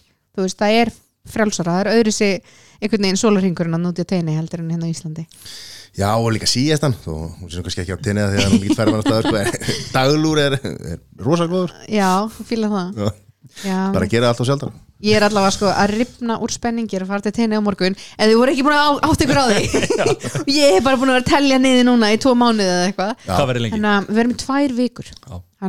Og ég er bara, já ég get ekki beðið. Ég hef eiginlega aldrei, það er langt sinni ég verið svo spennt fyrir utalagsferð Ég ferðast það mikið að ég næ valla að verða spennt á milli ferða En ég er mjög spennt fyrir þessu. Og það er bara síðan park og bara hérna, taka allt. Öruglega eitthvað svo leys, ég þekkit ekki náttúrulega sko, En þetta er líka svona fyrsta ferðin sko, hjá mér og barninu mínu og kærastanum mínu veist, hann er sko í fyrsta skipti að fara með bad til útlanda. Hann á eftir að drepa mig þegar hann hlustar á þetta. En allavega, þetta er svona fyrsta pappaferðin hans. Já. þar sem hann er ekki bara að fara fullir með strákunum til tenni og eitthvað. Verður að stressa þetta? Já, nei, reyndar, hann er eiginlega bara minna stressaður heldur en ég. Ég er eitthvað, svo veistu bara þetta verður allt í læg Hann bara, já, ég veit, þú veist, krakkin er nýja ára sko, Það er ekki eins og þetta sé eitthvað. Við erum ekki fara með unga barn eða eitthvað. Það verður bara krakkaklúbnum og í sundleginu og eitthvað. Ég held að það verður alltaf læg því með sangriða maður og Já, já, únast er vesa Ég er búin að læra það, það er eina sem ég kann í það spænsku Og það er eina sem ég þarf að kunna. Já, ég Mhm. Þetta er einu sem sæður kann. Ég segi reyndar alltaf por favor og eftir því ég er svo kurteis. Já, ég er ekki þar. Fyrir gott með helvið spjórin maður hættur að borgir í Ameríku? Hvað er hérna? Við erum ennþá í ferðalöfum Hvað er hérna? Já, ok, borgir í Ameríku. Ég var að koma frá Miami. Já, og ég var á South Beach. Það var algjörlega styrlað það Já, ég var ógæðislega gaman það var enda svolítið heitt. Það var svona, í það heitasta ég fór eiginlega aðeins á villisum tíma en hérna það var mjög heitt en þetta var geggjað. Ég held að það sé eitt af mínu svona uppáhalds og New York. Já, bara svo marga góða minningar frá New York einhvern veginn. Og þetta er svona alveg tvent ólíkt, mjög ólíki staðir en það er bara endalust einhvern veginn, þú veist, hafið þið farið til New York? Sko ég fór eins svo og bara þér getur ekki leiðst. Fór í sömu ferðinni til New York. Já, og var þar, einhverja finnst staða.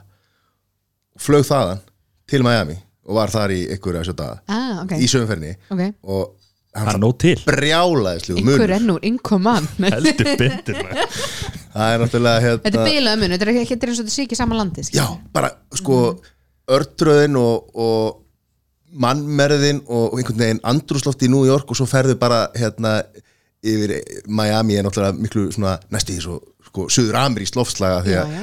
eða sem sagt, Það er svo stutt yfir til hann að Bahamas já, já, og þú veist, og alltaf hérna En það er nefnilega málið, það sem að fólk er alltaf að tala um hérna, með bandarækin veist, að, að þú sé eitt land Mhm. þá er þetta jafn stórt á Evrópa -hmm. veist, og Evrópa er mörg lönd veist, þannig að þetta er náttúrulega algjörlega sikkur menningin á Já, öllum stöðunum já. Þú veist, það er alveg það sem maður finnur og bara jafnvel þú veist, þú fer frá New York til Boston sko, Mhm. bilaði munur hann á milli en, uh, og já en, veist, og mér er til dæmis Boston lítið spennandi en múið að fara að vesla sko, og ég er algjörlega hætt því að nenn að fara til útland til að vesla en bara New York fyrir upplifunina og hérna Miami eða South Beach fyrir sko chillið og bara svona skemmtunina og svo leiðis, það finnst mér líka ekki en uh, Ekki spennt fyrir LA og Vegas? farið þangað nokkur sinnum. Uh, mér finnst Vegas einn ofmetnastu staður bara í hljómuslega neikvæð. Indland er ógeð og nei, ég meina það eru nú hótelin fyrir því að vera drottningin eins og sagðir, þú Já. bara hafa þetta í lagi. Já, nákvæmlega, sko málið er samt með hótelin hafið komið til Vegas? Hótelin eru svo bilaðslega stór að þú gerir ekkert annað ef þú ætlar að skoða hótelin sko. það er bara, þú veist, ef þú ætlar að fara inn hó- þú veist, þú ert bara marga klukkutíma að komast frá herbygginu og niður í lobby, sko. það er, þetta er svo mikil, mikla vegalindir en mér finnst Vegas mjög ofmetið og þetta er náttúrulega bara ein gata og maður er ekki búin að sjá fyrir sér eitthvað miklu meira fannst mér. Um, ég komið hana núna hvað, tvisvar. Ég er ekki í spilavítunum eða neitt svo leis og er ekki mikið fyrir það þannig að ég fannst ég hafa lítið að gera þannig að ég fór á Circus og Lei og eitthvað og var alveg gaman, ekki miskila mig. Vá, ég hljóma eins og ég veit ekki hvað. En ég er bara svona, ég er er ekki eitthvað svona, mér langar ekki að fara eitthvað Nei, reyndar ekki. Ég ætla á Selen Dion, en það var svo típist að ég var þarna í einhverja fimm daga og það var akkurat fimm dagarnir, einu fimm dagarnir allt árið sem hún tók frí. Eða eitthvað, ég var bara oh, Ég held að sé oft hann sko. David, alltaf- Copperfield var í fríi hann þegar ég var hann já, þetta var, þetta var hræðilegt sko. Svo ætla ég að J-Lo, það gekk ekki upp og veist, þetta var allt eitthvað svona. Ég er ósamalega ég, já, Já, ég, hérna bara við svo með Las Vegas, það er að gera allt sem hún vilt hann já, Þannig að sný, snýst kannski bara um já, hugmyndaflögu Já, Ég kannski ekki nýta peningarna nógu vel. Nei, fyrir ekki að ekki að gera það fyrir pening. Nei, ég var um spurðað þig í dag hvað er skrýtna sem þú gert fyrir pening? Þannig að ég er kannski greinilega ekki, ekki verið að nýta mér það? Það var eitthvað fárlegt, ég man ekki sem hvað var. Það voru hraða spurningar, ég var bara "Eh, ég veit ekki, þannig hérna þetta taka upp svona hraða spurningum, þá segir fólk alls konar á, ekki það að þú sett ekki búin að segja einhverja í hóka Nei, á, takk fyrir. Já, en þú veist, Vegas er alltaf svona staðir sem ég er ekkert eitthvað bilarslega spennt fyrir. LA, þú veist, jú, þetta er alveg fínt og skemmtilegt. Ég held líka bara að það skiptir svo ókslega miklu veist, ég var til dæmis ein út í Vegas núna síðast og LA líka. Uh, og síðan fór ég einu sinni til Vegas með pappa mínum. Þú veist, þetta snýst líka um félagskapin sko. Þú veist, svo fór ég til New York með kærastana mínum og það var bara störlað en við vorum líka bara músi mús og ástfangin skilur og auðvitað var góð upplifin þá. Uh, þegar ég voru til Indlandi var ég ein og auðvitað er bara ekki droslega gaman að gista ein í tjaldi með ekkert símasamband. Þú, maður verður bara hrættur og ég var bara hrætt sko. þannig að auðvitað hef ég ekki jákvæð upplifin þaðan. Þannig að ég held að fólk verður líka anstakað með fyrirvara sem ég er að segja, ég er ekki eitthvað ofdekar brett hérna sem er bara nei, ég ætla ekki að fara þarna aftur. Þegar ég hef verið að ferða svona langt og að skrýtna staði ein þá oft er ég bara pínu hrætt og þú veist, sem bara skiljanlegt Já, ég held það, en þetta snýst líka um það að ég er að fara út fyrir kassaminn, sko. Þetta er bara svona, þú veist, ég væri alveg til að vera bara upp í salakörfi þar sem ég er heima og vera bara þar allan daginn í, sko, fóstustellingu. En ég ákveði að íta sjálfur mér aðeins út fyrir kassan og prófa þessa nýja hluti og henda mér út í að fara til Kína og fara til Indlands og prófa þessa hluti. Af því að annars ger ég það ekki og þá eftir að sjá eftir, held ég, þegar hún eldri. Nákvæmlega. Nú er ég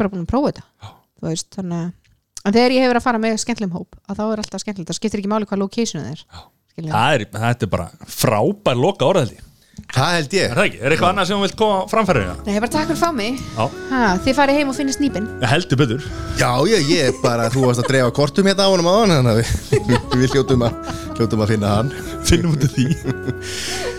Gerður Huld, Ari Bættur takk fyrir komuna. Takk fyrir, the G, aka the G-spot Já, og hérna, hafðu það gott í Takk takk Þið getur fylgst með mér á Instagram og ég get hérna spammað ykkur af tenni Já, en þá, sko, mér er svolítið vont að horfa á, á svona Af því að þá er ég alltaf, oh, hvað er ég ekki þannig Það er bara sjálfspíning Ekki að við og...